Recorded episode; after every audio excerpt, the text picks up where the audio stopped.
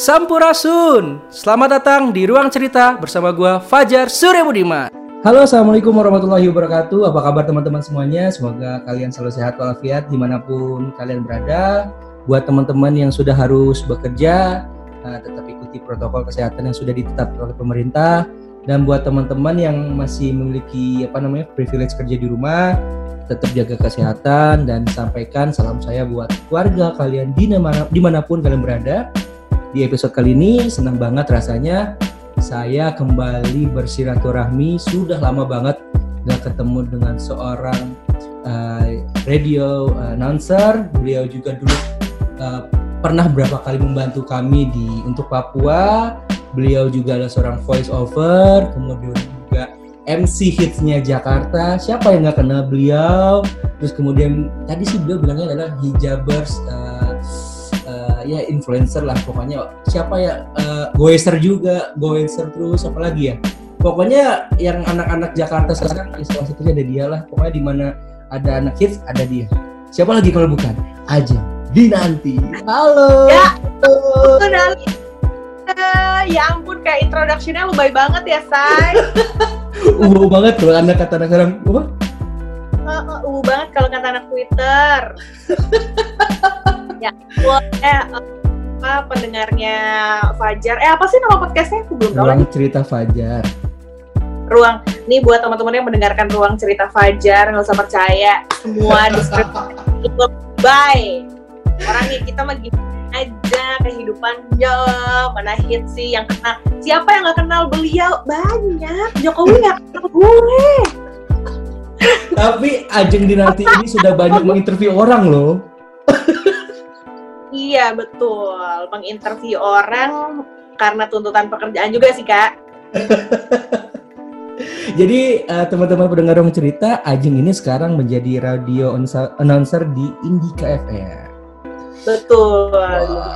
Kalau aku sering dengarnya sih di siang hari, yang bo apa bobo siang tuh. Bobo siang, bincang Yoi. orang terkenal sih. Yoi. Jadi pertemuan aku dengan Ajeng ini sebetulnya, sebetulnya terjadi sebelum di Indika. Pas aja.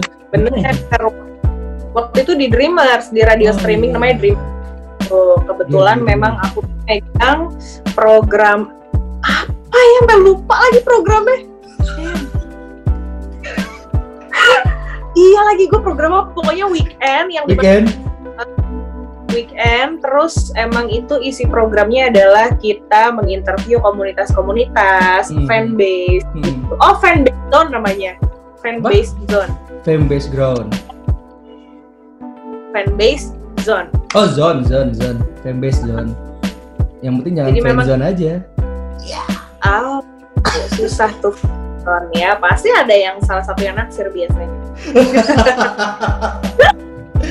Iya iya iya. Jadi pertemuan kita awal tuh di Dreamers ya. Waktu itu aku kan sama teman-teman Papua Voice datang ke radionya Ajeng pas di Dreamers. Terus Betul. lanjutlah membantu Ajeng membantu kita di uh, apa namanya MC waktu itu di Kokas kan Ajeng ya? Iya betul di Kokas. Mm -hmm. Terus uh, udah ternyata waktu itu ketemu lagi di Indika ya. Dirimu Indika. jadi kan jadi narasumber. Narasumber. Gitu tetap lah. Ya, begitulah. Seperti ah, itulah kehidupan. Terus lagi ya. Jauh-jauh. Uh, nggak jauh-jauh emang jak ah, sorry entah Jakarta yang kecil atau emang kita yang terlalu networkingnya luas banget aku nggak tahu sih. Tapi sebelum kita ngomongin tentang uh, radio announcer ataupun mungkin uh, perjalanan karir seorang Ajeng nih, ini kan kita udah udah di enam bulan, enam bulan di kala pandemi kan, pastilah event ataupun uh, job-job uh, mungkin uh, off air ada yang tertunda ataupun ada cancel. Tapi mungkin di balik itu ada hikmah apa sih yang mungkin bisa ajeng petik yang bisa dibagikan ke teman-teman pendengar ruang cerita nih yang kira-kira ih kak ternyata kok pas masa pandemi ini aku bisa masak loh atau eh ternyata aku lebih hobi olahraga loh. Ada nggak sih yang kira-kira bisa dibagikan ke teman-teman pendengar cerita? Uh, kalau gue sih uh, justru malah membawa rezeki di tengah pandemi ini. Oh iya. Mungkin em tadinya sempat sempat drop kan, sempat kayak wah beberapa uh, job di cancel nih. Tadinya di postpone bilangnya, oh ditunda gitu kan. Uh, terus uh, kak akhirnya acara di cancel gitu. Oh ya udah nggak apa-apa. sempet uring-uringan juga tuh waduh di cancel gimana nih nah Hmm. tapi ternyata eh adalah jalanin aja jalanin ternyata justru mm, membuka peluang rezeki buat gue gitu gue dikasih kesempatan untuk mengerjakan Hmm. eh, beberapa pekerjaan yang di Oke. luar di luar dari kebiasaan gue misalnya eh, gue alhamdulillah waktu itu dapet nge-host Hmm. nge-host e-commerce live e-commerce terus juga kemarin ngerjain drama podcast Oke. gitu jadi orang rumah pun mbak kamu orang-orang pada WFH kok makin sibuk gitu jadi kayak ya ya ya, ya namanya rezeki Mama nggak tahu aku anak ke Jakarta gitu. Nggak bilang. Apa? Ma- Maksudnya kamu nggak bilang sama orang rumah, Mama, aku nggak tahu apa kamu nggak tahu apa aku anak ke Jakarta gitu. Eh nyokap gue nggak tahu, dia cuma ngepoin Instagram gue doang. Intinya anaknya main ya taunya. Padahal kan sebenarnya gue tuh waktu itu sempet kasih mungkin nanti akan relate ke perjalanan cerita karir yang kata lo itu ya. Sebenarnya gue eh, main dalam tanda kutip tuh networking gitu. Gue sampai pernah ngasih penjelasan gitu sama nyokap gue gitu. Kerjaan-kerjaan kayak gue kan harus kuat di networkingnya. Gimana orang mau percaya ke gue, gimana orang mau percaya kenal siapa gue. Kalau gue ya udah siaran pulang siaran pulang gitu. Jadi terkadang yang yang jeng ke sini yuk acara ini acaranya nggak penting dan gue pun juga bukan gue banget ya udah gue datangin demi ya relationship kita aja gitu. Networking gitu ya. Mm-mm. Jadi sebenarnya kayak gue bersembunyi dalam kata networking ya padahal sekalian main juga. Emang kadang-kadang doyan main kak. Iya. Tapi mainnya positif, dapat link, dapat mainnya positif apalagi dulu nyokap gue ya itu eh, apa namanya eh, stigmanya dunia kan jatuhnya entertainment ya gitu dunia yang ina ini ina ini. Nah begitu gue berhijab langsung lah agak ya nggak nggak sebawel kemarin deh gitu. Dirimu tuh berhijab tuh kalau nggak salah 2018 ya? 2017 eh 17 tapi harusnya tadi di awal tuh aku bilang Assalamualaikum. Kan udah kan? Oh, iya. assalamualaikum. Gitu. Sampurasun Aduh, Ajeng tapi sebetulnya lu itu emang dari awal uh, kuliah atau mungkin uh, cita-cita lo memang mau pengen menjadi seorang entertainment? Atau mungkin awalnya lu pengen cita-citanya jadi seorang guru atau do- dosen atau pramugari mungkin pramugari kayak gue sadar diri gitu wow aku kayak menggapai langit nih jadi pramugari ya kan. Ngeliat siapa nggak nggak masuk udah yang lain aja gitu. Kalau cita-cita sih emang cita-cita jadi penyiar radio emang pengen banget dari Oke. gue SMA ya. Dari gue SMA tuh pengen banget gitu. Dan gue memang tertarik di dunia in entertainment sih tertarik cuman nggak tahu kenapa gue nggak tertarik buat yang main film acting gitu enggak tapi gue suka being center of attention tuh gue suka gitu. Gue suka bikin orang tawa gue seneng. Terus gimana caranya ya? Ngapain ya? Ngapain ya? Oh jadi MC oh gimana cara biar yang MC jadi bagus? Oh jadi penyiar radio gitu. Dan memang ketertarikan gue sama radio itu udah dari lama gitu. Jadi akhirnya memutuskan untuk ke radio. Meskipun dalam perjalanannya tidak semudah itu berarti lu pertama kali uh, menjadi radio announcer emang di Dreamer ya? Langsung? Atau ada lagi? Harus benar. Emang di Dreamers awalnya pas zaman kuliah. Habis itu baru langsung ke Indika. Jadi oh ini udah masuk ke pertanyaan perjalanan karir ya? Ya kan tipis-tipis. Tipis-tipis biar keluar semua biar aku eh, bekerja jadi udah masuk ke pertanyaan karir nih ya. Ya boleh boleh boleh boleh boleh. Jadi awalnya itu pas SMA gue tuh SMA anak IPA men.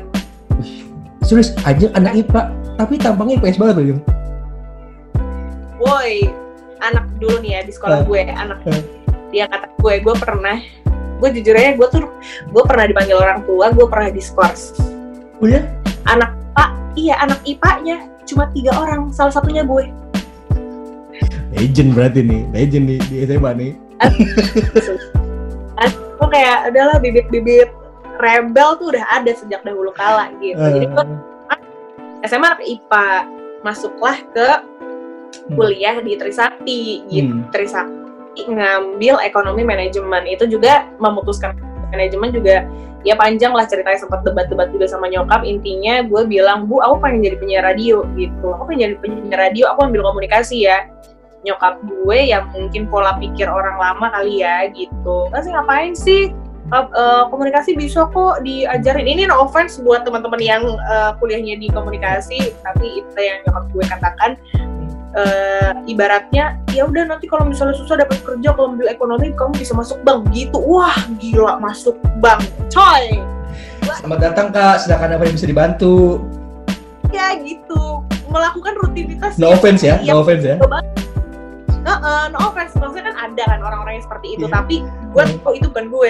Yeah. Gitu. Coy di, di SMA ya kan, uh. rebel banget, bang gue nggak bisa, udah kan, ya udah deh nurut lah gitu, uh. nurut karena keluarga juga banyak yang anak Trisakti udah Trisakti aja deh gitu hmm. apa ya yang gampang uh tadinya mau sok-sok teknik industri karena gue anak IPA tapi akhirnya udahlah hmm. ini adalah kesempatan gue punya pilihan. Gue punya hmm. pilihan selama kurang lebih empat tahun ke depan kira-kira mana nih yang tidak menyusahkan gue. Akhirnya ya udah ngambil yang ekonomi manajemen pada akhirnya gitu. Hmm. terus katanya bilang kamu bisa kok pasti jadi penyiar tanpa harus masuk komunikasi. Dan alhamdulillah okay terjawablah sudah gitu. Kan memang ada beberapa hal yang uh, jawabannya nggak pada saat itu kan ya, gitu. Ya. kan ya banget males kuliah. Pokoknya komunikasi tapi, udah deh. tapi berkat doa nyokap lu juga jam sekarang juga benar benar. Benar betul banget. Dan tuh abis itu udah kan aku masuk kuliah nih masuk kuliah di semester hmm. tiga. Terus aku mikir dong mikir keras gimana caranya gue masuk penyiar? Nggak mungkin radio radio radio radio swasta di Jakarta main nyomot gue di pinggir jalan yang nggak punya background nggak ngerti apa-apa. Akhirnya oke okay, gue belajar. Belajar di mana? Hmm. oh cari komunitas. Hmm. ketemulah komunitas kelas penyiar Indonesia gue belajar di sana empat kali pertemuan secara gratis sharing-sharing yang di mana mentornya itu adalah uh, mantan penyiar-penyiar global pada kala itu salah satunya adalah Sahil Mulahela penyiar Jak FM, yang dulunya ya? juga di Dika hmm. Hmm, dia tuh dulu di Dika FM oke okay. gue belajar hmm. dan ternyata Dreamers Radio lagi buka hmm. terus ya udah deh gue sana dan alhamdulillah dari sekian orang yang melamar apply hmm. Ajeng salah satunya gitu itu berapa tahun? Lu di sana Jeng? Dreamers 2 tahun. 2 tahun. Mm -mm. Dreamers 2 tahun, abis itu gua ketemu Beniardi, kita nggak hmm. kita di satu event bareng, okay. event bareng ketemu Beniardi, penyiar Bahana FM, tiba-tiba tuh orang ya udah lagi-lagi again itu networking kan tiba-tiba yeah. jam gue lagi lagi buka news traffic nih lo mau nggak -hmm. news hmm. traffic tapi penyiar -hmm. ya udah penting gue radio swasta nih gitu. Mm -hmm. karena di situ. Karena satu tahun oh di Bahana setahun ya? tahun hmm. setahun tuh lulus, lulus kuliah kan pada kala itu nyokap hmm. gue mulai keluar lagi. Mbak kamu kan udah lulus nih sarjana manajemen. Coba dong cari kerjaan yang serius. Karena kebetulan bokap nyokap gue ya backgroundnya korporat juga gitu. Oh, oke oke okay lah anak yang manumut gitu kan akhirnya gue memutuskan cabut dari bahana huh? uh, lah apa kata nyokap gue gitu gue cari kerja yang serius gitu hmm, hmm. nah dalam setahun setelah hmm. keluar dari bahana tiga perusahaan yang gue masukin nggak ada yang betah tiga, tiga bulan tiga bulan dalam waktu dalam waktu setahun mm -mm.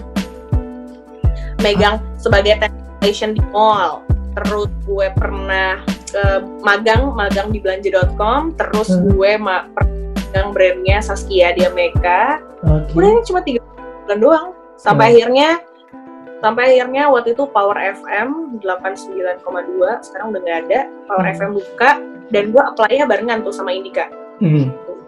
barengan sama Indika karena posisinya gue nganggur hmm. ah yang mana aja yang cepet Power hmm. duluan yang mana terus nggak lama di Power Indika hmm. nelfon hmm. Ternyata orang Indika tuh agak nggak enak sama bos oh, gue karena oh. gue mantan Indika dulunya. Uh, gitu. uh. mantan orang Indika dulunya. Jadi kayak gue juga bilang kan ada namanya uh, Kak Icon di sementara uh. dulu punya Kak Icon. Gue boleh nggak pindah ke Indika gitu? Uh. karena di itu ada beberapa penyiar mantan penyiar Indika FM ya dari ih orang dari Indika pada ke sini lu dari sini ke sana gitu. Ya udah sampai akhirnya lu nggak bilang gue- pak anti mainstream gue apa gitu bilang. Yang lawan arus ya gitu. gue ikan salmon. Gue ikan Kan salmon. bener juga sih. Ya udah sampai akhir 4 bulan di power terus pindah ke Indika sampai sekarang berarti pas lu ya awal di Indika berarti langsung bareng sama Uli kan waktu itu atau gimana iya barengan sama Uli Uli Herdi Hmm. dan di situlah kita ketemu lagi ya Jem ya. setelah berapa kan? aku, aku kayak nggak nyangka gitu loh kayak ketemu eh Fajar gitu eh aja yang suka lagu-lagu Kahitna itu yang cantik Ih, inget lagi. aku fans besarnya Kahitna, Soulmate. Jadi Ajeng ini wah kalau lagu-lagunya Kahitna langsung dia garis keras Asli. Nangis sih enggak, cuma Enggak ya? hafal iya. apa ya Kayak yang lagu di titik mau dibawain itu lagi itu lagi. Main kak. Tapi nggak ada yang nyanyi ntar kasihan. Tapi for your information teman-teman, gua kan berapa kali sering kepoin uh, Instagramnya Ajeng. Ternyata Ajeng juga, uh, gua nggak tahu ya, koreksi kalau gue kurang tepat. Tapi uh, uh, beliau sering banget ikut dalam pentas tari. nih, Iya betul. tunggu tunggu, ada nih gue lihat, gue kasih lihat foto-fotonya salah satunya ya. Ini dulu sebelum Ajeng uh, menggunakan hijab, hijab. Yes betul itu. Itu emang dari SMA lu, Jeng? Eh jadi dari Nih. SMA sebenarnya. Iya betul. gila sih ini banget apa namanya Eh, men- menjiwai sekali harus gitu kak Eh. biar dapet jadi kalau nari itu sebenarnya tadinya dipaksa sama ibu lagi-lagi ibu ya kan anak ibu banget gue dipaksa sama ibu juga dulu penari gitu. Jadi sebenarnya eh, gue itu gue sama adik-adik gue tuh bokap gue banget lah olahraga banget olahraga parah kita. Eh, bokap gue atlet sempat jadi atlet juga. Terus kita ngikut kita Hmm. renang kita basket. Gue inilah ngomel kok pak bapak semua sih nggak ada yang ikut ibu nari dong. Ya udahlah gue tadinya untuk menyenangkan hati nyokap gue aja ikut nari lama-lama kok sayang ya lama-lama kok cinta ya lama-lama kok enak ya lagi-lagi alasannya apa karena selain selain gue suka Hah? bukan ini loh eh, memanfaatkan jadi ciri khas gue jadi gimana ya cara singkat cara menjelaskan dengan singkat agar mudah dipahami jadi gini kenapa gue memilih tari Jawa juga Ya. selain Hmm. gue cinta itu bisa menjadi ciri khas gue. Oke. Di dua bidang. Ajeng ajeng yang mana sih? Hmm. itu loh Nier yang nari juga misalnya gitu. Ajeng Jadi ajeng yang brand- mana sih? aja gitu lu ya? loh. Benar itu loh. Itu loh yang siaran gitu yang kemarin nari iya siaran gitu. Hmm. jadi branding juga sebenarnya satu menjadi sebuah uniqueness dan Ya. itu gue manfaatkan gitu. Dan ternyata turns out it works. Hmm. it works yang kayak penari penari penari senior tuh mulai recognize karena ya satu gue heboh banget kalau udah latihan. Eh, terus juga ya taunya gue sambil siaran juga gitu. Eh. tapi ya Jeng, gue nggak tahu nih lu kalau nari kan itu kan harus pembawaannya kalem tuh. Tapi kan lu kalau di di MC ataupun di radio gitu kan ya gue nggak tahu ya koreksi kalau gue tepat. Tapi lu kan emang emang heboh. Yang maksudnya nggak bisa nggak bisa yang terlalu eh, kalem banget gitu. tapi bagaimana lu menyesuaikan lu dengan kan kalau tari Jawa kan ya pasti kan gerakannya gemulai gitu loh. Dan beda banget lo sama Ajeng yang ada di off air gitu kadang ah, gitu. Lu gimana caranya Jeng lu mengadaptasikan atau mengaplikasikan lu di pada saat lu tari dan mengaplikasikan eh, mengaplikasikan pada satu posisi eh, sebagai MC atau eh, radio announcer. Nah, itu bisa nggak sih eh, jadi mungkin ada tips nggak sih buat buat teman-teman pendengar ruang cerita nih jangan mungkin harus punya eh, eh, side jobnya mungkin nggak tahu nggak tahu ya bahasanya apa tadi side jobnya mungkin punya eh, eh, nari kah atau gimana sih lu mengaplikasikan itu di dalam pekerjaan lu Hmm, gue sih tetap menjadi diri gue sendiri ya. gue sih jelas tetap menjadi diri diri gue sendiri meskipun kayak side job gue sangat sangat berbeda gitu sangat sangat kontra. Gue bilangnya bukan side job sih hobi sih. Jadi gue nggak pernah nggak pernah merasa terbebani harus hmm. gerakannya mulai lemah lembut enggak sama sekali. Karena ya itu lagi-lagi gue happy. Hmm. nah kalau dan gue memanfaatkan tari Jawa ini tuh sebagai meditasi dan yoga gue. Okay. gitu.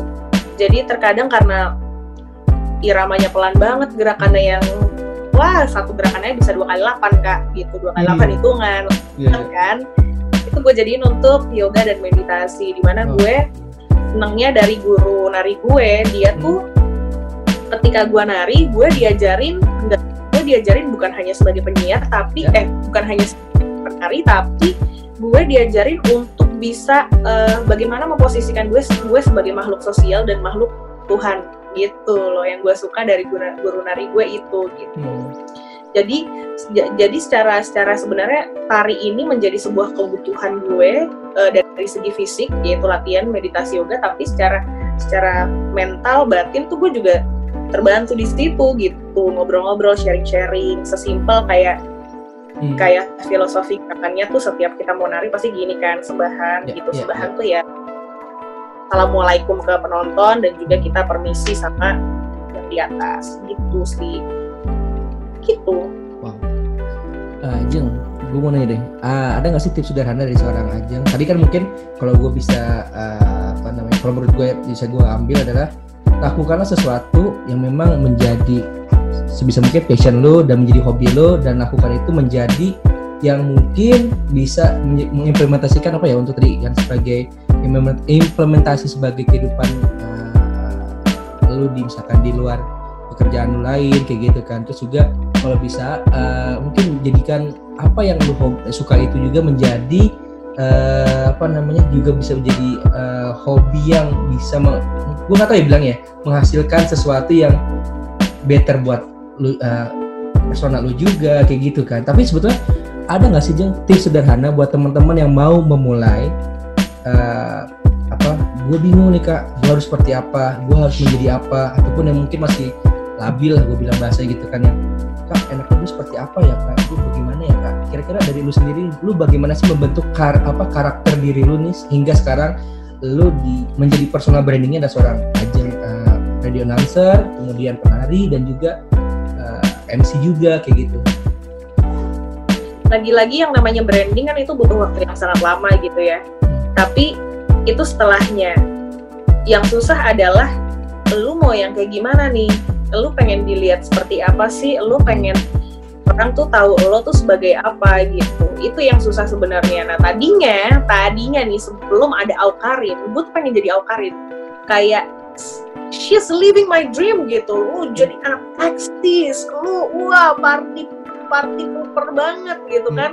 Ya gue yang dulu gue eh gimana caranya gue pengen jadi terkenal tapi ya udah pokoknya kalau udah gue asik itu dulu. Ya tolong lebar itu dulu sampai akhirnya ya tapi gue juga nggak mau bandel-bandel amat. Emang kalau ya gitulah gitu. Gue hmm. gue sempat sempat merasa hal itu gitu. Gue gue sempat mencari yang gue berteman sama yang ini gue jadi kayak gimana gue berteman sama geng gue yang ini gue gimana apakah gue suka menjadi diri gue yang di geng ini apakah gue suka menjadi diri gue di geng yang itu gitu. Tuh gue nyari banget gitu. Emang prosesnya sih prosesnya sih lama gitu. Tapi yang jelas jangan pernah lo membohongi diri sendiri deh. Kalau misalnya emang emang lo suka ya udah. Kalau enggak nggak usah dipaksain. Cuma perkara lo pengen terkenal cuma perkara lo pengen followers banyak menurut gue sih nggak terlalu paksain. Karena pada akhirnya kalau nggak pakai hati ngelakuinnya buat apa? Gitu. Setuju sama kalau misalnya dalam dalam dalam apa namanya dalam mencari jati diri gitu ya buat teman-teman yang mungkin masih dalam prosesnya ya sering-sering lah ngobrol sama diri sendiri gitu. Itu penting sih. Dan itu pun gue lakukan gitu. Kayak sekarang gue gue maunya apa sih ini? Gue mau ke mana sih nih ngapain sih? Jeng lu kok marah-marah mulu sih jeng? Akhirnya lu kenapa sih? Gitu. Dan lu kebanyakan kalau untuk uh, mengintrospeksi diri lu sendiri itu lebih banyak di malam hari kah? Atau pada saat lu gimana aja biasanya? Apa gimana? Sorry. Uh, misalkan untuk tadi kan lu kan bilang uh, uh, berbicara dengan diri sendiri gitu kan. Maksudnya dalam arti lalu mengintrospeksi diri atau mengevaluasi diri lu gitu kan. Nah biasanya lu melakukan itu pak apa? Biasa di malam hari kah? Atau bagaimana kah? Atau pada saat momen-momen uh, me time lu kah? Atau bagaimana biasanya? Pas me time pas me time atau mau tidur gitu hmm. gue nulis. Gue okay. kayak journaling dalam kayak definisi diri diri diri gue diary gitu. Uh -uh. atau kan kalau misalnya lagi males nulis ya ngaca aja ngaca atau bikin gue voice note. Gitu kayak orang gila. Cuman kayak ya udah buat gue jadi bisa relief aja gitu. Kalau misalnya kayak gini deh gue tuh gue tuh lagi merasa nggak nyaman akhir-akhir ini gara-gara gue lagi sumbu pendek banget nih sejujurnya gitu. Lagi sumbu pendek terus dan gue kalau udah bete dan nggak mood itu bisa ke semua orang lah nyebar itu jeleknya gue sampai-sampai orang-orang kantor gue tuh kayak hmm. aja lagi bete nggak gitu mau minta tolong atau apa tuh ngomong depan gue huh?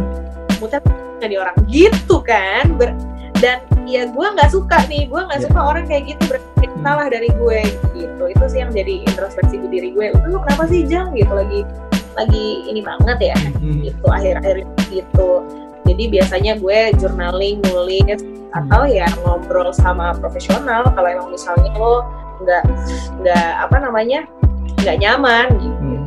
tapi kayak model-model ajeng nih kalau lagi subuh pendek itu kelihatan banget mukanya ya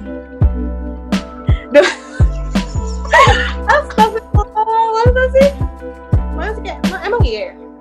Nah, Jam, lu lagi ini gak? Just apa nih? Siapa? Muka lu tuh gitu loh langsung gila. Raut muka lu tuh gak bisa dibohongin loh Jam. Kalau misalnya lagi sumbu pendek gitu ya. Masa sih? Padahal gue kayak ceria abis gitu lah anaknya. Ternyata dari mungkin ya gue, gue bisa memahami sih makanya kenapa orang-orang mungkin kantor juga kalau ya aja lagi ini gak ya face-nya tuh udah kelihatan oh ini aja lagi gini nih deh ya emang dari sananya dikasihnya gimana deh tapi sebetulnya tapi sebetulnya hati aja baik gitu ya betul hati aku baik lemah lembut. Banget. Ah, enggak enggak lemah lembut juga. Enggak lembut ya? Aku masih suka ngomong sama tari gitu. aja sama tari aja sayang apalagi sama kamu. Ya. Siapa itu tari? Iya. Yeah. nama orang. Yeah. siapa itu tari? Oke, okay, Jang. Next next pertanyaan. Uh, kalau disuruh milih, lu lebih milih untuk uh, menjadi radio announcer atau sebagai seorang MC? Gue, hmm. iya radio announcer dong. Pakai dong lagi kayak obvious banget gitu. radio announcer. kalau sama voice over? voice over, radio announcer. Tetap. Radio announcer. Tetap Siapa sih inspirasi lu? Gue gue tuh ngefans banget sama Sarah Sehan sih sebenarnya. Eh. Entah itu dari dari dia nge-host juga pun gue kayak panutannya Sarah Sehan gitu hmm. karena dia bisa menjadi teman untuk semua orang semua kalangan gitu dia ngobrol sama anak kecil bisa ngobrol sama anak bisa ngobrol sama yang lebih tua bisa dan itu nggak tahu kenapa pembawaannya santai hmm uh, formalnya dapet, santainya dapet, pesannya pun juga nyampe gitu. Gue love banget sama Sarah Sehan. Kalau disuruh pilih, uh, ataupun gue tau ya, uh, lu uh, selama perjalanan karir lu uh, dalam radio utamanya pernah menginterview paling lu uh, menjadi yang gue, apa ya bang? Pernahkah atau siapa orang yang mungkin menjadi sejarah buat dalam interview di radio ada nggak sih siapa kalau mungkin kan kalau gue dulu mungkin pernah menginterview misalnya menteri atau siapa. Nah kalau lu ada nggak sih berkesan di di di, di, di perjalanan ada banget ada banget ada banget ada banget. Siapa gue nih ya salah satu salah satu apa namanya? Salah satu yang bikin gue happy banget menjadi seorang penyiar radio adalah gue bisa berkesempatan ngobrol-ngobrol dengan para artis-artis gitu ya. Okay. artis-artis. Iya, karena gue seringnya ini musisi, jadi yang keinget banget sama gue tuh, gue pernah interview Shanti, oh, iya. Shanti Shanti sama Titi DJ sih yang paling Titi DJ. Dan itu dan itu pas masih di Dreamers ya tolong. Gue interview Titi DJ Huh? yang gue riset wow seumuran sama nyokap gue dan Iya iya iya. iya. dan Dan lu manggil tante, tante gitu, enggak kan? Apa kakak? gue kayak coy ini gue manggilnya siapa dan posisinya posisinya kak gue waktu itu masih di Dreamers Hmm. awal karir gue sebagai penyiar Hmm. belum ada tahun jadi masih anak bocah banget masih merasa nggak pede Eh. minder parah. Minder parah sementara menjadi seorang penyiar radio lu tuh setara gitu. Kita sama-sama entertainment nih. Gak usah nganggep lu lu mau anak baru mau lu mau senior mau diva nggak ada kayak gitu. Gitu. Tetep aja wa jiper gua. Mana udah gitu itu tapping ya posisinya ya. Eh, mana udah itu dreamers gua nggak tahu di kantor kita doang apa satu kemang di deretan ruko itu mati lampu. Mati lampu. mati lampu bayangin. Mati lampu genset wah gensetnya gue nggak tahu kenapa pokoknya lama banget. Terus udah nih gue seru se- satu studio di Dreamers itu berdua doang sama seorang diva Titi DJ pasti gini sih kepanasan kan kipas-kipas. Sih bilang Duh, gue inget banget. Ini masih lama nggak ya? Kalau nggak Hmm. reschedule aja deh. Hmm. depan muka gue gue pada kala itu masih anak bocah panik dong. Gitu gue minta tolong asprot gue. Ya udah dia dikasih apa tuh teteh lupa. Intinya intinya gue udah gue panik parah sih lu anjir kenapa sih pakai mati lampu malu-maluin gitu. Terus apa lagi? Ngomong apa lagi? apa nah waktu itu sih untungnya Hmm. untungnya eh, titik apa namanya ya namanya diva ya bo ya gitu. Seprofesional itu sih. Begitu udah selesai kayak diajak ngobrolnya enak Hmm. terus juga ah iya so far asik sih. Hmm. maksudnya ya ya udah. Cuman ya itu mati lampu. Makanya kalau ditanya berkesan itu berkesan banget. Dan kapan lagi gue interview Titi DJ mati lampu tapi Cuman Ajeng nanti yang bisa. please please gue mau ngilang cepet lah ini berakhir. Tapi gimana dong Titi DJ gue ngefans banget. Wah gue fan girling gue. Ya gitu sih pengalaman yang tak terlupakan gue gitu. Kalau sosok atau tokoh yang pernah gue interview paling waktu itu gue pernah eh, DPR gue lupa lagi namanya DPR gue pernah terus direktorat eh, humas pajak ya kemarin waktu itu acara itu Oh, Kak Anita. sih Iya betul. Wah itu mah senior lah itu kita. Senior kita tadi. Wah itu interview beliau gue juga. Ayo jeng ekonominya dipakai Mm-mm, belajar yuk gitu. Lu disuruh 3 SKI coy. Iya.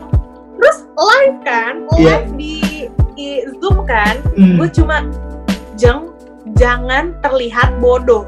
Kalau lo nggak tahu senyum aja, jangan kelihatan bego, jangan jangan. Yang nontonin lu banyak, emang cuma face to face berdua, tapi yang nontonin lu banyak itu di, jangan kelihatan bego. Mm-mm. Terus. Kak Anitanya gimana? Kak Anitanya gimana waktu itu? ya happy happy aja lancar gitu dan apa yang apa yang gue tanya eh, terus juga reaction reaction dia terhadap penjelasannya gue masih ngerti wow ketolong sama anak ekonomi kak. Gitu. Berarti mamah lu nggak pernah salah untuk masukin lu ke jurusan ekonomi. betul. Tapi kalau misalnya mau iya eh, itu oh iya DPR deh satu lagi. Nah itu tuh baru gue kelihatan gue banget tuh gue pernah nge-MC kelihatan bodoh banget. Itu cerita apa? Nah apa nih gue cerita nih Gak apa-apa dong, kan buka-bukaan di sini. oh iya benar Hmm. Jadi waktu itu gue pernah eh, acara kayak festival apa bukan festival apa kalau banyak tenda-tenda gitu banyak tenan-tenan gitu Festival? Festival? Bazar? bukan festival tapi iya semacam bazar oh expo expo Expo, Expo. expo ya science sci- eh, teknologi and Salah science expo dan in- dia itu punya acaranya salah satu stasiun televisi swasta acaranya di SBXD Oh, gua tahu. gue dikabar gue dikabarin sama teman gue itu jam se- jam 9 malam. Jam jam bisa nggak nge-MC banget gue butuh lo bisa nggak gitu? Di mana jam 8 pagi lo standby di ISBSD wow aku tidak ada persiapan dan posisi emak gue pentas nari di taman mini Eh. otomatis selesai malam jam 8 di ISBC ya udah deh gitu kan. Eh. ya budget segini segini segini. Oke gitu. Set jalan lah Hmm. ke lokasi kan.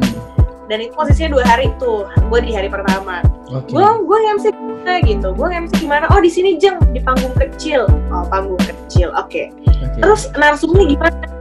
Oh narsumnya nanti ganti-gantian. Jadi conti- continuity Berarti nah gue hostnya. eh Apa? Yang gantian jadi gue berkesempatan ngobrol sama narsum gue itu cuma narsum pertama. Ini gue opening kan selamat datang lalalala oke kita akan ke narasumber yang pertama nih. Ada bapak ini kita akan ngomongin ini ini ini ini ini, ini.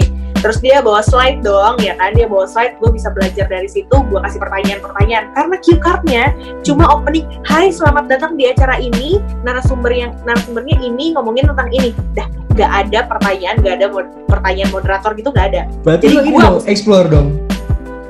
asli asli. Udah nih itu enak ada PPT-nya Iya. oke sama ibu oke oke terima kasih ya pak gitu. Gue pikir gue istirahat terus ketemu sama narsum gue kagak lanjut. Langsung yang kedua ya. Siapa namanya? Ini nih kayak oke. Selamat oke kalau tadi kita udah ngomong ini ini ini ini sekarang kita ngomongin flora fauna ya yang akan disampaikan sama bapak dan ibu ini dari LIPI deh. Eh. gue lupa dari LIPI kan? Terus udah nggak naik set flora fauna. Oh iya. Like, like again gue cuma berkesempatan ngobrol sama narasumber yang pertama karena gue udah on stage. Oh iya pak berarti ini ada PPT-nya kan gitu oh nggak ada kita ngobrol aja mati nggak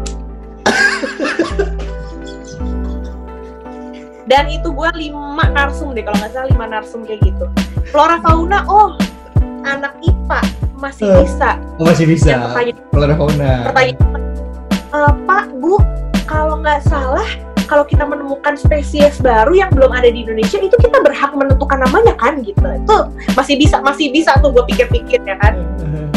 Terus lagi? Kimia bikin apa-apa kompor gas yang kompos gitu gitu IPA masih bisa. Eh, terus udah nih. Hmm, wah gue capek banget kan? Hmm. terus dia bilang terus temen gue bilang Jeng besok MC lagi ya soalnya kliennya suka sama lo. Sementara eh, klien eh, MC satunya eh, attitude-nya jelek banget pokoknya ada Hmm. kejadian gitu oke udah naik eh dateng kan set Itu hari Oke. pertama kedua. hari kedua nih Hari kedua. nih, pagi Nah, berarti pada hari pertama aman tuh ya? outfit, Apa? Hari pertama aman tuh ya? hari pertama aman Oh ya. outfit outfit hari kedua eh, outfit outfit panggung kecil mental mental panggung kecil ya dong kemarin kan panggung kecil Iya. Di sini aja panggung utama panggung gede nanti pokoknya ngomonginnya ngom eh, pembicaranya gue inget banget pokoknya dari LIPI terus Hmm. dari dari DPR Hmm. eh, terus dari- ada arsip nasional juga terus materinya segede satu setumpuk makalah tulisan semua Hmm. gue suruh baca tentang tentang aduh sejarah Indonesia tuh gue kayak wah bye banget sih gue Eh, gimana ya gue mau kesel sama karena materinya tuh bener-bener dikasih hari itu gitu. Iya. Mohon maaf itu terus SKS. cue Sistem kebut baik banget. kesel banget gue makanya wah bete sih gue lu lu lu tadi bilang kan aja kalau bete mukanya kelihatan Hmm. saking misalnya kayak iya kita Indonesia di tahun segini-segini kan ini makanya kita harus melestarikan jangan nggak cannot relate. Gue gue ceritainnya aja pusing lagi. Gitu itu sih pengalaman. Terus, terus narasumbernya gimana narasumbernya? ya narasumbernya kayak ya udah ya udah. Ya udah nggak gimana gimana sih mungkin kayak komplainnya ke io nya kali ya anaknya tapi sebenarnya so far maksudnya gini bukan bukan berarti terus acaranya jadi gagal gitu Eh, enggak. Eh, eh. kan mbak support aja nih dalam diri gue gue juga nggak mau gue juga nggak Iya. let's say ya ya gue setiap performance berapapun bayarannya gue tetap memberikan yang terbaik ya dong. Karena nama nama gue juga ada di situ. Jadi gue dalam diri gue ayo jangan nanya apa lagi? Ayo, baca baca dikit. Uh, uh, wah gitu. Sebenarnya lancar acaranya cuman di guanya merasa kayaknya lu tuh sebenarnya bisa maksimal jangan lu tuh nggak segini. Kalau lu belajar lebih lagi atau datang lebih pagi lagi lu pasti lu bisa gitu. Hmm. karena gue duluan panik dan lain hmm. sebagainya jadi menurut gue gue nggak maksimal. Cuman nggak tahu deh kliennya aman apa enggak gue nggak tahu gitu. Hmm. kalau dari gue sih gue merasa nggak maksimal dan gue bisa melakukan itu. Seru ya. pengalaman yang yang nggak pernah dilupain ya nggak bisa lupain banget. Jadi kayak uh, jadi kayak gini. Hmm. kalau temen gue udah kontak gue gak wanti-wanti nih gitu. Kalau temen gue yang gitu oke. Okay, hmm, acaranya dulu huh? berapa baju? Hmm, oke. Okay. tapi jam selama perjalanan karir lo di dunia MC ini lagi tadi radio ya. Lu kan uh, interviewer yang paling apa? Uh, lu pernah menginterview memang berkesan adalah uh, mbak kita tante di DJ kan tapi kalau di dunia uh, MC siapa partner yang mungkin berkesan di mata lu selama lu berkarir di dunia MC ada nggak? Gue partner ya. Gue tuh mostly sebenarnya sendiri sih. Okay, sendiri, sendiri. Nah cuman kalau emang dipartnerin gue ada namanya dia partner gue yang MC cuman emang kita waktu itu pernah mau brandingkan diri kok Ajeng Dika MC Ajeng Dika gitu. Cuman okay. karena pada akhirnya kan untuk hmm, uh, memilih jalur karir menjadi PNS waktunya udah mulai susah ya. Ya udah deh Eka sendirian MC-nya oh pertamanya nge-brandingnya Ajeng Dika tapi perjalanan hmm. karir dia memutuskan untuk menjadi abdi negara sih ya iya abdi negara. Jadi kayak waktunya susah kayak udah ada mau negeri lah pokoknya. Betul. Sebenarnya kalau misalnya MC iya sih iya ya kalau dipikir-pikir paling gue cuma sama Akbari sama Benny doang deh kayaknya. Ah, MC si berdua sisanya sendiri gitu tapi mudah-mudahan status Karena, tapi mudah-mudahan status nggak sendiri juga ya status enggak dong. Aku lagi pejuang restu nih doainnya Tante, semoga Tante mengamini dan mengiyakan di 2020. Amin. Amin ya Allah ya Tuhan. Yuk Ibu yuk. Mari kita doakan sama-sama semoga kakak Ajeng nanti 2020 bisa melepas masa aja dengan Amin. Eh jangan 2020 dong, siap 2021 lah. Kenapa? Tahun depan kan. Kenapa 2021? Apa? Kenapa 2021? Kalau 2020 belum ada duitnya, gue mau tinggal di mana, say? Yang duit eh kan covid ini nikahnya jam iya tapi kan abis itu gue ke mana? Gue tinggal di rumah orang tua. Uh, kak yang siapa? Pasangannya tidak terbuka gue sensor. Panggil panggil saja Lalang. Uh, uh, Mas Lang. Ya siapa lah uh uh, tolong kalau kamu serius sama aja tolong di 2021 kamu nikahkan dia karena kami sebagai fanbase keras fanbase dari kerasa Ajeng nanti sangat mendukung. Apa sih gak jelas fanbase keras nggak tuh bilangnya? Ya doain aja lah ya yang terbaik.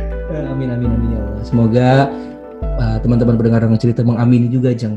Kan di amin. kala-kala kayak gini kan banyak mendukung saling mensupport itu sangat utama. Kan benar gak? betul yes.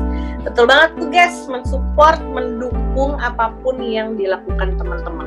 Ya sekecil apa pun sih yang lu bisa support tidak dalam bentuk uang ya tapi dalam bentuk misalkan lu uh, temen lu punya makanan lu repost atau perlu Instagram story itu sangat membantu banget eh, buat mereka. Benar gak sih Jam?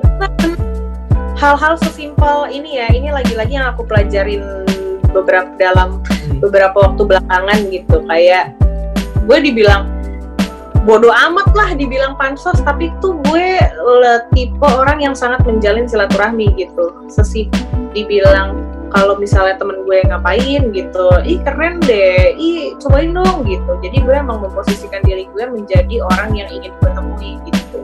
Gue pengen punya temen yang suportif deh. Apakah lu udah suportif ke orang-orang jeng? Gitu. Jadi gue gue lu uh, apa kok dia sombong banget sih nggak pernah nyapa? Ya kenapa harus dia nyapa? Ya udah sama aja basa basi lu gimana kabarnya? Ih lo keren banget sih sekarang kerja di sini di sini. Lancar-lancar ya gitu. Basa basi busuk sih emang. Cuman kayaknya orang terlalu gengsi gitu. Sebel sebel sendiri. Gue kayak orang terlalu gengsi. Kenapa sih takut banget dibilang pansos takut banget dibilang SKSD nggak apa-apa lagi. Hmm. betul betul betul. Kalau menurut gue ya Jeng ya uh, apa pun omongan orang yang mungkin kalau menurut kita tidak sejalan dengan kita ya udah lah ya nggak usah jadi beban pikiran lu ataupun jadi uh, hal negatif lu ya. Kalau emang eh, nggak uh, sesuai ya udah lu apa yang lu menurut lu itu benar ya lu jalanin. Kalau enggak ya udah nggak usah di nggak usah dianggap. Kalau menurut gua gitu sih ya nggak sih? Iya benar benar banget sih. Emang emang kalau nggak gitu nggak maju gitu. Ngapain hmm. sih mikirin orang? Hmm. tapi sebenarnya ini ini sebuah statement yang kayaknya orang-orang udah pada tahu gitu ya udah hmm. ngapain sih mikir kata orang tapi dalam kenyataannya susah loh untuk melakukannya iya, apalagi apalagi yang ngomong itu adalah orang-orang yang cukup berpengaruh dalam kehidupan kita misalnya ya udahlah kalau stranger mungkin lebih mudah tapi kayak ketika omongan-omongan orang hmm. yang datang yang omongan-omongan yang kurang enak tapi datangnya dari teman sendiri itu susah banget tuh. Iya apa sih salah gue? Perasaan gue relationshipnya baik-baik aja kok dia ngomong gitu ya gitu. Atau mungkin dari keluarga lo. Iya. Gitu. atau saudara-saudara terdekat lo. Iya benar. Itu yang beringan susahnya di situ kak.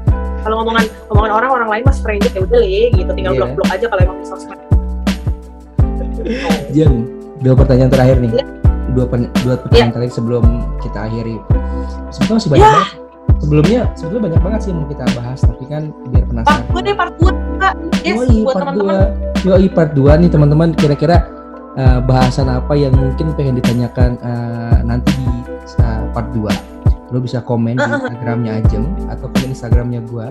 Uh, Instagram nah. Ajeng itu ajeng dot dinanti. Betul Jeng ya? Betul nah atau di Instagram gua Fajar Surya Budima atau lu bisa komen di Instagram uh, di YouTube-nya Ruang Cerita Fajar ataupun Spotify juga bisa komen. Kira-kira part kedua lu pengen bahas apa? Atau menggali atau mengkuliti tentang Ajeng tentang apa sih? Dunia percintaan dunia apa lagi mungkin yang dunia alam. Yuk voice over boleh banget loh karena tuh cukup banyak menjadi pertanyaan di gue sih. Nah ini yang pertama aja dulu Jeng. Ini yang pertama dulu biar orang tuh oh, iya. betul, betul. biar dagingnya masih banyak oh iya benar benar benar. Oke part pertama dulu. Oke apa tuh pertanyaannya kalau oke dua pertanyaan terakhir untuk part pertama.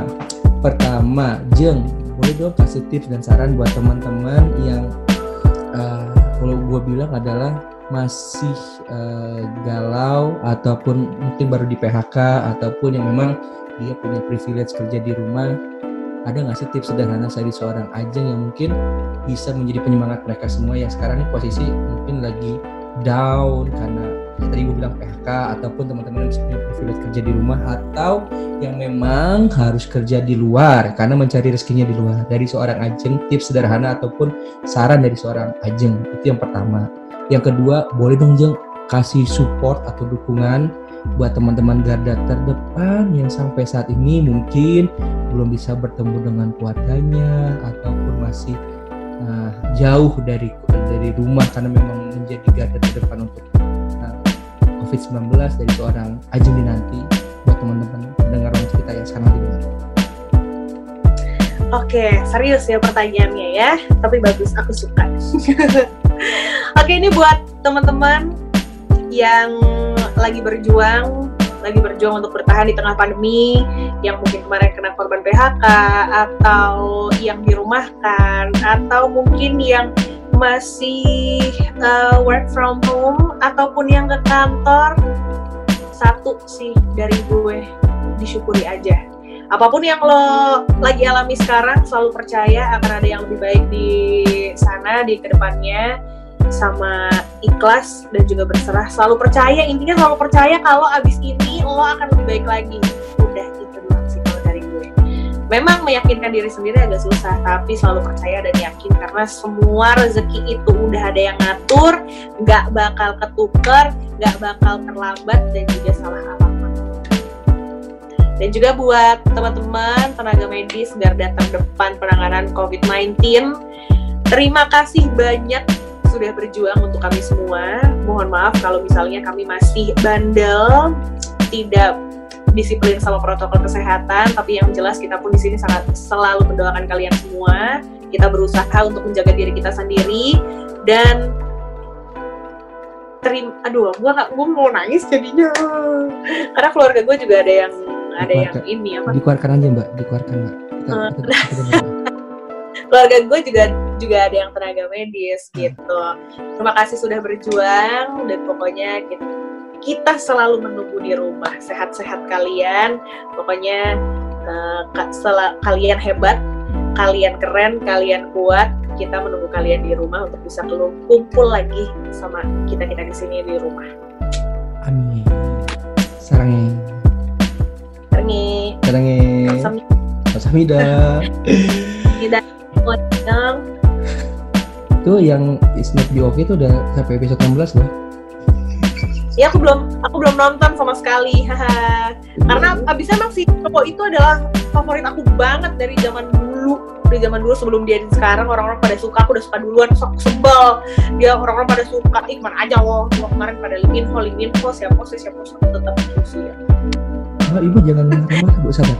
Tadi kan ibu habis oh iya iya iya sorry sorry. Iya. Eh ini tuh masuk YouTube ampun aku kayak mama banget lagi di situ ya guys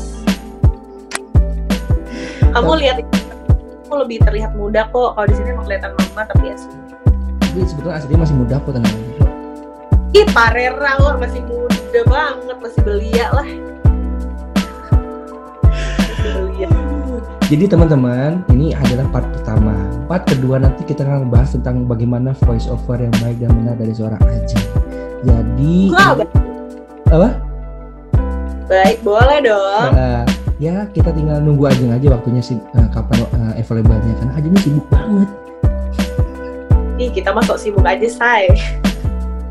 Jadi, jadi buat teman-teman yang pengen komen apa kira-kira pembahasannya boleh nanti ya sekali lagi bisa add follow uh, follow Instagramnya dan juga dan juga uh, subscribe channel YouTube-nya Fajar Surya Budiman di YouTube dan juga Spotify dan juga lu bisa follow Instagram gua di Fajar Surya Budiman atau follow juga Instagramnya Ajeng di @ajeng.tinanti. Ajeng juga punya apa lagi? Sama satu kalian dong subscribe YouTube channel aku, Nah, ajak nam- di nanti. namanya Ajeng Dinanti. Nih, nih salah satunya nih. Mana sih? Betul. Untuk sekarang masih nge-review makanan, tapi mungkin ke depannya akan siaran. Yes, itu dia punya aku. Ajeng Dinanti. Subscribe- Yes. Subscribernya masih banyak yang apa gue kan masih junior. Yang aku juga merintis itu mut-mutan lagi bikin. Betul lagi begini. Heeh, asli awalnya doang semangat lama-lama aduh kok no time ya gitu tapi tapi yang pasti lu jangan kapok jangan kita untuk part keduanya nih. enggak dong aku akan menantikan mm, kabar itu bahkan Iya, siap. Yang pasti sekali lagi eh, terima kasih Ajeng untuk waktunya di hari ini buat teman-teman. Yes. Eh, terima kasih juga sudah eh, mendengar ruang cerita episode kali ini bersama Ajeng nanti. Dan buat teman-teman yang mungkin kelewatan episode sebelumnya bisa cek sekali lagi di YouTube-nya di Fajar Surya Budiman, di Ruang Cerita Fajar ataupun di Spotify di Ruang Cerita Fajar. Oke, Ajeng, sebelum kita akhiri di episode kali ini ada tradisi nih. Kita ada foto virtual untuk Instagram Story. Buat kan anak milenial sekarang. sekarang nih Nah, besok gila gue gue tuh takut dikomenin deh apa? dikomenin orang bilang eh Ajeng mulutnya bisa biasa aja nggak sorry gue lagi sariawan ya guys sariawan aku ada tiga satu dua tiga jadi kayak lo tau kan udah kerja kerjaan gue ngomong Hmm. 6 jam. Sariawan tuh set deh. Ternyata aku sahabat mulu kan. Tapi aja sabar, aja nggak boleh mulai emosi, tahan, nggak boleh marah-marah. Kakak aja kan baik, kakak ini aja bisa kan jadi part Cepat ini bisa jadi part part 2 ngomongin tentang mood siaran susah loh. Dikirain kita siaran smiling voice smile beneran. Hati mah padahal cemberut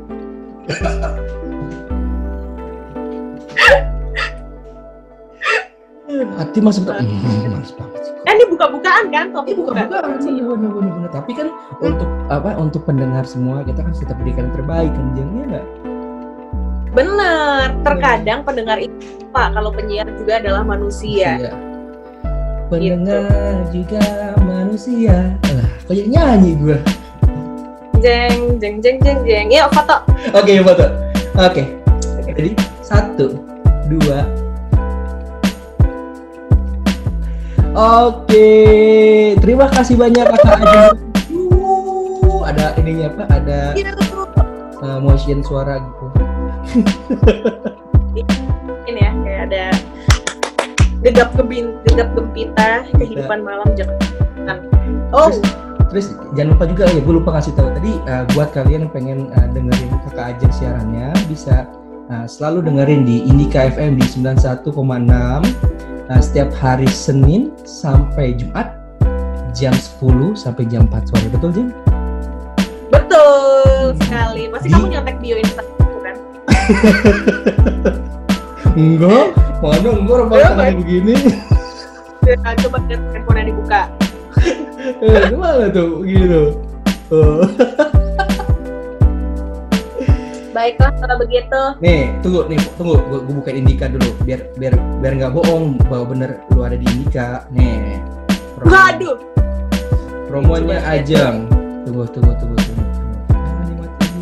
Eh. Mana jangan di bawah-bawah kayaknya promo lu. Jeng. Bawah. Ah, nih, nih, nih, nih, nih. Ini Indika Jahit. Iyo. Yes, that's me. Kok beda ya kak? Katanya. Ah, Dengan foto dikit. aslinya berbeda. Yang penting sama-sama matanya dua, hidungnya satu sih. Yang penting sempurna semuanya. Di mata Allah am- semua mas apa makhluk Indonesia eh, makhluk ini adalah sempurna. Amin ya Allah, insya Allah, amin. Ya, jadi sekali lagi buat teman-teman yang pengen dengerin Kak Ajeng di Indika di 91,6 setiap hari Senin sampai Jumat jam 10 sampai jam 4 sore di Indika Jahit jaminan hits. Muterin lagu Mantap. paling hits di siang hari cuman buat kamu Indika FM 91,6. Wah, siaran ya abis ini nih. Abis ini gantiin gue nih kayaknya kalau gue gak bisa. Emang lu ada penggantinya? Ada, ada Kak Fajar udah bisa ada tuh. 6 jam siaran. Ya, Kita mah ini aja apa backupan aja second layer aja. Waduh, invalan ya. Jadi buat bos pemretnya Indika ya kalau emang lagi butuh-butuh tambalan gitu kan di rumah ini buat di popok gitu. Kita kita penyiarnya juga butuh tambalan sih kayak lumayan pot-potan nih tiap hari nggak pengen izin gitu nggak bisa. Oke, jadi Ajeng nanti thank you banget untuk waktunya. Kita tuh uh, Sama-sama. Jadi buat teman-teman ini ada episode part keduanya ya. Jadi stay tune Iya. di ruang cerita Fajar. Episode kedua, episode kedua mungkin kita akan bahas tentang voice over dan juga tadi apa tuh mood mood siaran gitu-gitu sih. itu itu penting tuh buat teman-teman uh, mungkin yang baru uh, berkarir di dunia radio tuh di daerah ya perlu tuh Jeng. Iya. Boleh banget. Apa sih? lagi ngomong Oh. ya udah. Oke oke. Oke gue tutup dulu ya. Gue tutup dulu ya. Oke. oke sekali Eh, lagi ya gue tutup dulu biar lu nge ini Oke. ya. oke sekali lagi Ajeng. Dinanti thank you banget untuk waktunya. Sehat-sehat selalu. Semoga Allah selalu melindungi kamu di setiap langkahnya sampai jumpa di Amin. next episode bersama Fajar Surya Budiman di ruang cerita Fajar dan juga Ajeng Dinanti sampai jumpa dah assalamualaikum Salam. Assalamualaikum. Hai, jangan lupa ya untuk like, comment, and subscribe channel YouTube Akang ya. Hatur nuhun.